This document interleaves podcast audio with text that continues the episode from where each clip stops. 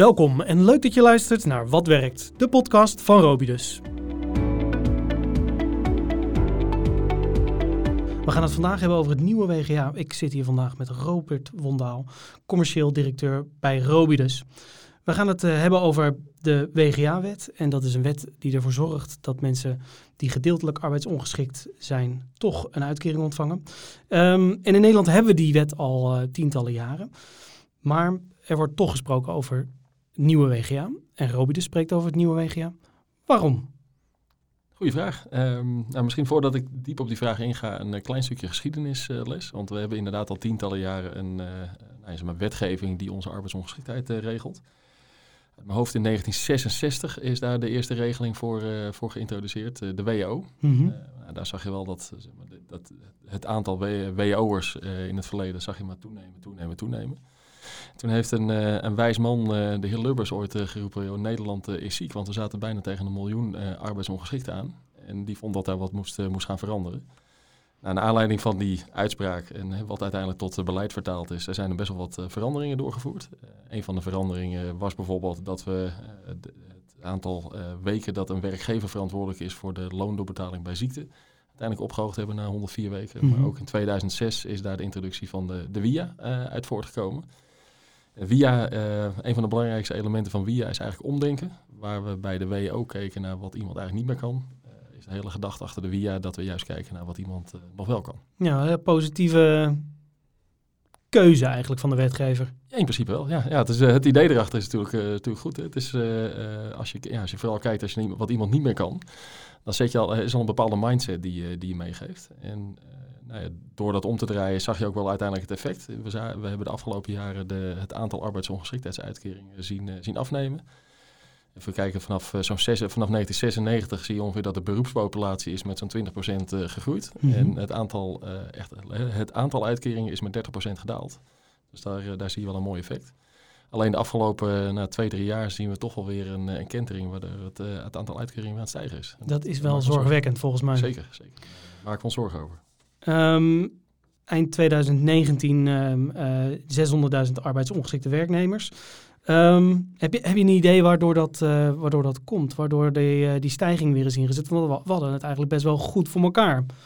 Ja, dat, uh, dat dachten wij ook. Uh, nou ja, was er maar één antwoord te geven. Ja. Dat is gelijk hier het, uh, hier het probleem. Dat, is, nou ja, dat zie je natuurlijk vaak bij, bij arbeidsongeschiktheid, dat het een, een, cocktail van verschillende oorzaken is. Een hele belangrijke daarbij is eh, de ontwikkeling van de economie. Het gaat weer, het gaat weer beter in Nederland. Het gaat zelfs zo goed dat er een, eh, een krapte op de arbeidsmarkt aan het, aan het ontstaan is. Volgens mij aan het ontstaan. Hij is heel krap op dit moment. Ja, 300.000 300 mensen zitten zonder baan en dan is het op.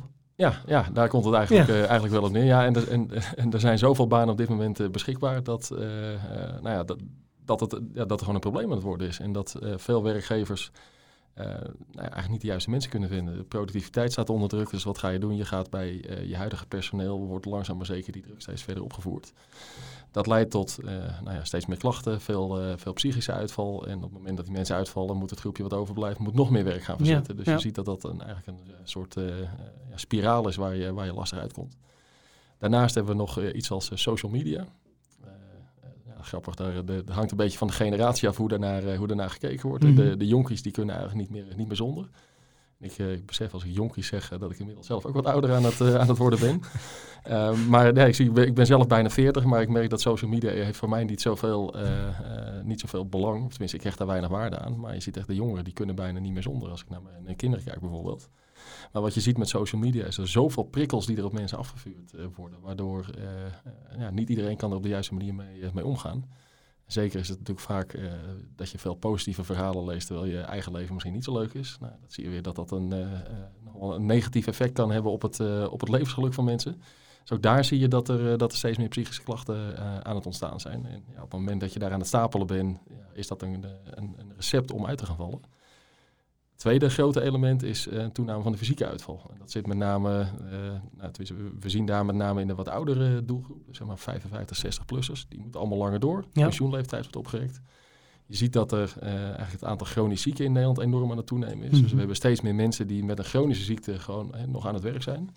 Ja, en daar zie je dat ook steeds, steeds vaker klem loopt. Je moet iets in die functies gaan veranderen voor die mensen om überhaupt te kunnen blijven werken. En als je dat niet doet, leidt dat tot, tot extra uitval. Ja, Ehm, terwijl het op dit moment moeilijk is om vacatures in te, in te vullen, uh, lijkt er aan de andere kant een hele pool van mensen te zijn die beschikbaar is voor werk, of die misschien ook wel graag wil, zou willen werken. Hoe, hoe, kijk je daar tegenaan? Uh, nou ja, daar zou, je, daar zou een kern van de oplossing uh, zitten. Uh, ik denk dat de, de oplossing zit natuurlijk aan, aan twee elementen. Ja, op het moment dat je meer arbeidsongeschikten hebt, die je wel weer aan het werk kan krijgen, al dan niet in aangepaste functies. Ik denk dat voor die werknemers heel fijn is, want toch, ja, op het moment dat je thuis zit, raak je steeds meer in een sociaal isolement. Dus dat is zeker onwenselijk. Ja.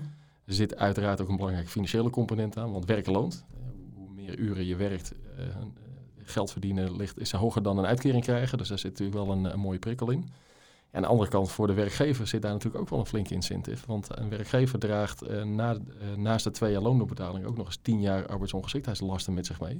Heeft wel degelijk een prikkel om in actie te komen en die werknemer aan de hand te nemen om, uh, om je arbeid te gaan verrichten. Ja, en zie je dat doorgaans op een goede manier gebeuren bij um, bedrijven die je spreekt of, of, misschien zelfs wel klanten? Ja, gemengd. Dat, ja. dat scheelt heel, dat, ja, het hangt heel erg van het, uh, van het soort bedrijf af eigenlijk waar je, waar je komt. Um, je ziet wel dat er steeds meer bewustwording is over uh, in ieder geval de financiële kant van hey, ik draag deze lasten lang mee, dus ik moet hier wat mee. Ja. Uh, ja, je hebt ook bijna geen keuze meer. Waar ik het al over had, die krapte, daar hebben ook al onze opdrachtgevers hebben daar, hebben daar last van. Dus je ziet wel dat er steeds meer prikkel komt om er wat mee te doen. Maar je ziet dat die prikkel zich voornamelijk wel focust eigenlijk op het verzuimstuk. Dus met name preventieve inspanning om te zorgen dat mensen überhaupt niet uitvallen. Ja.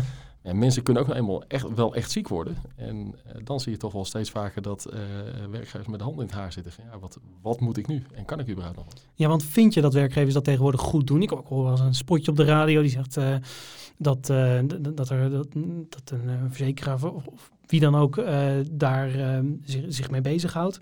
Vind je dat werkgevers daar echt goed mee bezig zijn om, om verzuim preventief aan te pakken? Nou, als, als iedereen het goed deed, dan hadden we ook geen probleem gehad, denk ik. Maar uh, nou, je ziet wel dat er is steeds meer aandacht voor. En uh, wat je nog wel hebt, is uh, nou ja, toch vaak een, kennisgebrek. Want het is wel specialistisch werk. Dus je ziet wel dat er steeds meer partijen in de arm genomen worden door werkgevers om, om daarbij te ondersteunen. Um, maar wat je wel wat ik net al zei, het zit erg op het, op het verzuim en de verzuimpreventie. Het duurzame inzetbaarheid is natuurlijk een woord wat je vaak hoort. Waar, je, uh, waar wij de grotere problemen zien is op het moment dat het verzuim langer duurt. Want hoe vaak heb je daar nou eigenlijk mee te maken als werkgever dat je echt langdurig uh, zieke of uh, onder je, onder je hoede hebt. En dan wordt het wel heel specialistisch. En welke, ja, welke activiteiten kun je dan nog doen? En daar zie je wel vaak dat, nou ja, dat de kennis ontbreekt en de capaciteit ontbreekt bij werkgevers om er iets mee, mee te kunnen. Nou hebben jullie bij Robidus eigenlijk een soort van plan van aanpak bedacht. En het, dat noemen jullie het nieuwe nieuwe WGA. Kun je daar eens iets over vertellen? Jazeker. Ja, um, nou ja, wij, wat we hiermee uh, bedoeld hebben, is misschien ook wel in het kader van omdenken, wat ik net ook al bij, uh, bij Lubbers zei, is om nou, toch meer de focus, en het is bijna een inkopper, aan de preventieve kant te leggen. Want je ziet nu dat, dat we vaak in actie komen, nou, pas vanaf de 42e ziekteweek of, ja. week, of sterker nog als iemand al in de WGA zit. Mm -hmm. Wij geloven er juist in als je veel eerder uh, kan identificeren waar potentiële arbeidsongeschiktheidsrisico's zitten, dat je ook daadwerkelijk uh, actie kan ondernemen op, uh, op die betreffende dossiers. En dus eigenlijk met meer een WGA-preventie-insteek aan de slag gaat dan ja, pas op het moment dat iemand daadwerkelijk al arbeidsongeschikt is. Ja, naast dat het denk ik een hele positieve is. Um, voor een werkgever om dit, om dit goed op te pakken. Ook een imago-uitdaging, uh, denk ik, om dit gewoon goed beter te pakken. Um, kun je een voorbeeld geven van hoe jullie het praktisch, praktisch maken? Ja, nee, dat kan ik zeggen. Nou, het is wel, wel belangrijk om hierbij te benadrukken dat uh, wij, ja, we hebben geen uh, magische toverstokje waarmee nee, we dit natuurlijk op kunnen, op kunnen lossen. Um, maar ja, waar, wat wij met name ja, de werkgevers in proberen te helpen is uh, wat ik echt, echt ja, te kijken van oké, okay, maar we, welke medewerkers, welke groepen medewerkers vormen een potentieel risico op, op arbeidsongeschiktheid. Ja. En uh, nou ja, daar zit natuurlijk enerzijds data-analyse in, maar ook goed snappen wat er nou met die medewerker aan de hand is. Om vervolgens eigenlijk een uh, bijna een soort maatwerkplan van aanpak op de persoon te kunnen bepalen. Van oké, okay, welke interventies moet je op welk moment inzetten om het juiste effect te kunnen, te kunnen bereiken.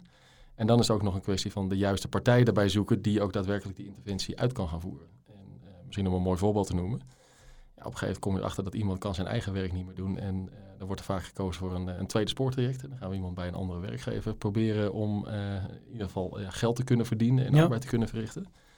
Maar op het moment dat die werknemer zelf nog niet bewust is van het feit dat hij een probleem heeft en dat hij misschien moet gaan mobiliseren, ja, dan zet je misschien wel de verkeerde interventie in door direct zo'n tweede spoortraject in te zetten. En misschien moet je hem dan eerst helpen om die bewustwording te krijgen van hé, hey, ik, ik moet wat en ik kan niet meer bij mijn werkgever. En uh, misschien heeft hij wel niet de, uh, genoeg energie. Dus moet je, die, uh, moet je misschien wel helpen om wat hoger in zijn energieniveau te gaan komen. Ja.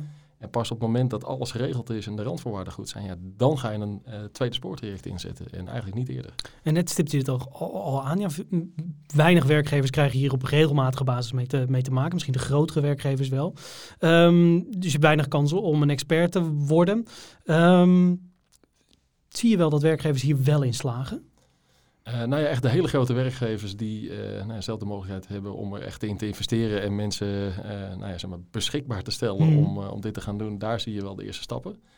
Maar dan nog, het is, ja, er zijn zoveel, mogelijk, tenminste zoveel verschillende redenen van uitval. En om dan nou juist een, om best practices te gaan ontwikkelen op basis van nou, evenementen die één of enkele keren per jaar voorkomen, of misschien zelfs maar één keer in de vijf jaar pak altijd een voorbeeld, uh, ja, iemand die kanker heeft. Ja. Het is vreselijk dat het gebeurt. En als het goed is, heb je er als werkgever niet dagelijks mee te maken, medewerkers die dat gebeurt. En dan heb je ook nog eens heel veel verschillende vormen daarvan. Mm. Dus wat is nou op die persoon eigenlijk de juiste aanpak? En ja, op het moment dat je dat op een iets hoger niveau kan bekijken en daar ervaring hebt in verschillende branches en uh, verschillende werkgevers, dan kan je daar best practices op ont ontwikkelen en uh, daardoor veel gerichter de juiste acties ondernemen. heb je een, een concreet voorbeeld van zo'n van zo'n best practice? Maak het je heel lastig. Hele goede vraag. nou ja, dat is, dat is ook een beetje het geheim van de smid. Maar nee, zonder, zonder gekheid. Uh, nou ja, ik, ik, noemde net al het voorbeeld met die tweede spoortrajecten. Ja. Uh, dat, is een, dat is een best practice. Uh, maar het, het, nou ja, het begint eigenlijk al door nou ja, veel eerder op basis van data te kunnen kijken van hé, hey, maar wat zien we nu gebeuren? Welke, welke type personen of welke zeg maar, groepen met bepaalde kenmerken vormen binnen deze werkgever een, een risico? En op die manier kan je eigenlijk kijken wat ik op bedrijfsniveau aan interventies in wil gaan zetten, om dat te gaan voorkomen dat die groepen überhaupt een risico vallen, uh, vormen. Maar op het moment dat je wel uh, uh, nou, de risico's geduid hebt, je ziet mensen die al richting een langdurige arbeidsongeschiktheid gaan. En nou, laten we een ander voorbeeld pakken. je ziet dat er veel aan de psychische kant zit, psychische ja. klachten. Ja. Uh, ja, dan ga je eerst eens eventjes een, een, uh, een assessment maken van oké, okay, maar waarom heeft deze persoon dan deze klachten? Wat, wat, wat drijft hem eigenlijk? Wat is de daadwerkelijke uh, reden van het ontstaan van deze psychische klachten? Want dat is vaak een gevolg van iets wat er gebeurd is in je leven. En je wil uiteindelijk wil je de oorzaak aanpakken. misschien even een voorbeeld. Ja, psychische klachten kunnen ontstaan doordat je in een hele nare echtscheiding ligt. Maar het kan ook ontstaan doordat je financiële problemen hebt. Of dat je iets met je kinderen hebt. Of dat je mantelzorg verricht waar je niet meer uitkomt. Het zijn Ja. allerlei verschillende redenen. Mhm. En als je niet bij die oorzaken aanpakt, dan ga je ook het probleem niet oplossen. En eh, eh, nou, ik denk juist door, door continu op die oorzaken te, te focussen en daar eh, ja, de best practice wil blijven doorontwikkelen, want wij hebben ook nog niet alle wijsheid in pacht. Mhm. Maar wij, ja, wij bouwen wel elke dag weer nieuwe, nieuwe best practices op om, om beter te kunnen ondersteunen. Denk je dat jullie een, ehm, een objectievere blik kunnen bieden aan een, aan een werkgever? Omdat je misschien iets minder ehm, geworteld bent in een bedrijf, maar er toch met een eh, gezonde afstand naar kan kijken? Zeker, ja, dat, dat, je ziet het vaak, hè, dat als je te diep in, in het bedrijf zit, kan je ook onderdeel van het probleem worden. Ja. En daar geloven wij ook wel in. Als je, eh, zeker bij wat langdurige verzuim, eh, is er echt specialistenwerk. En zou je dat niet door een leidinggevende moeten laten doen, maar door experts. En ja, dan heb je daar nog de keuze, ga ik dat centraliseren binnen mijn bedrijf? Of wil ik dat juist buiten het bedrijf zetten om een nog objectiever beeld te, te krijgen? Want dat is, dat is absoluut waar. Hoe, hoe verder je van het bedrijf afstaat, hoe objectiever je, eh, je bent. Waarbij het wel belangrijk is om wel het bedrijf te snappen. Om uiteindelijk, als je het hebt over reïntegratie, ja, het, makkelijkste is om iemand te reïntegreren weer bij de eigen werkwijzer. Dus dan is wel lekker dat je de werkgever in ieder geval Ja, kent. je, je moet natuurlijk ook begrijpen of er een machinevloer is. Of, of, ja, precies. Helder. Maar, eh, wat nou als een medewerker nou echt niet meer in staat is om, eh, om terug te keren in een arbeidsproces? Dan is zo'n tweede spoor natuurlijk fantastisch of, of leuk. Of maar ja, dat, dat vraagt toch om een andere aanpak, denk ik. Ja, dan heeft het niet zoveel zin meer, eh, inderdaad. Nou ja, de- er is altijd een groep die echt niet in staat is om te werken. Nou, daar hebben we in, ge- gelukkig in Nederland hebben we daar ook een, een mooi vangnet voor, de IVA. Ja. Ehm, en eh, dan, dat is ook belangrijk om dat eigenlijk al tijdig, eh, tijdig te signaleren. Want je kan natuurlijk heel veel tijd en effort steken om iemand weer aan het werk te helpen. Maar als iemand zo, eh, zo iemand echt niet kan, dan ben je die persoon ook alleen maar aan het frustreren. En misschien alleen de muzieker aan het maken. En, en daar kan je juist meer de helpende hand bieden en meer rust creëren voor die persoon om nou ja, op die manier misschien aan zijn herstel te kunnen gaan, gaan werken. Dus, en dan, dan ja, hoe moet, dat voorstellen, dan adviseer je, nou, eh, dit is een, wat, wat ons betreft vanuit uh, Robidus gezien, is dit de beste, de beste optie? Of moet je dat langzaam inmasseren? Hoe werkt zoiets? Nou, er zijn, er zijn uh, meerdere wegen die naar Rome kunnen leiden. Maar nou, wat je vaak in dit soort gevallen ziet, op het moment dat je echt weet van, joh, maar deze persoon die gaat niet meer terugkeren in, in het arbeidsproces.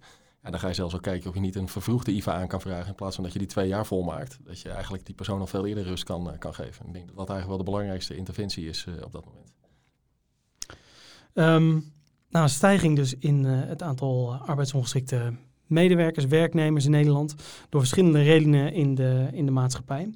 Um, jullie aanpak is succesvol gebleken. Kun je me er iets vertellen over de resultaten die jullie daarmee boeken? Ja, zeker. Dat, uh, uh, ja, we zijn eigenlijk al jaren bezig met, met dienstverlening op, op WGA. En hebben de afgelopen jaar, anderhalf jaar, switch gemaakt met een aantal pilotklanten om te kijken als we nou in, uh, onze aanpak wat anders doen, uh, wat het effect daar, uh, daarvan is. Mm -hmm. Dan zie je dat we in die pilotgroep in staat zijn geweest om, als je kijkt, zeg maar vanaf 42 weken tot WGA-instroom, om die instroom ongeveer te halveren.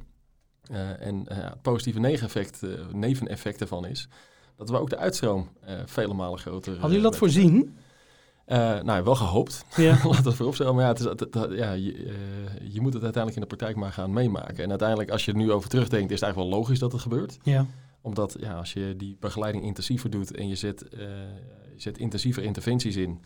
Ja, dat, die via-keuring is gewoon een, een pijlmoment waarop er iets gebeurt in het, nou ja, zeg maar in, het, in het proces bij een UWV die een keuring gaat doen. Maar op zich de de bemiddeling naar werk of het, het, terugkrijgen naar de werkvloer, ja, dat staat in principe los van dat moment. Dus als je het niet redt voor die twee jaar, maar je blijft wel uh, betrokken bij die medewerker en je gaat door met het inzetten van interventies, ja, dan kan het best zijn dat hij een, een, na, na, een half jaar via-uitkering of na een jaar via-uitkering toch, toch weer terug kan keren in het arbeidsproces. En dat, ja, dan, dan heb je die misschien uh, uh, niet uit kunnen laten stromen voor het via-moment, maar mhm. juist daarna. En ja, dat is natuurlijk ook iets waar, waar iedereen blij van wordt.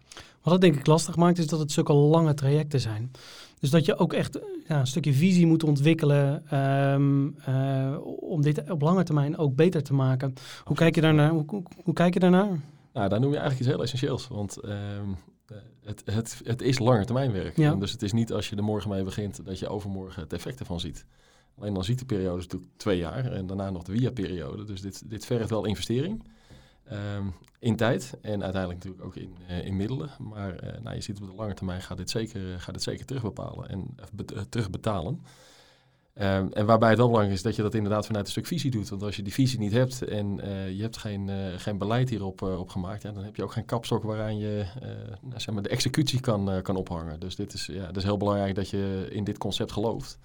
En, en dan ook voet bij stuk gaat houden. In plaats van na een half jaar proberen te denken, nou, dit, dit wordt hem niet. Helder. Is er nog iets wat je mee kunt geven aan werkgevers of HR-professionals die nu zitten te luisteren en denken het nieuwe WGA, daar, daar, daar wil ik iets mee?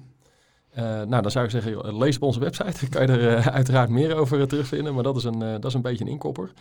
Um, nou ja, dit is een, het is een onderwerp waar je niet elke, elke dag mee bezig bent, want het heeft vaak ook te maken met de, de wijze waarop je eigenlijk je WGA-uitkering gaat financieren.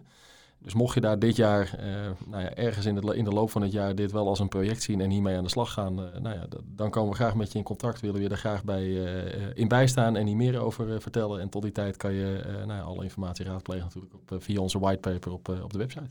Robert, hartelijk dank. Um, leuk om hier meer over te weten. Wil jij nou ook meer weten over het nieuwe WGA? Ga dan naar robidus.nl slash het nieuwe WGA.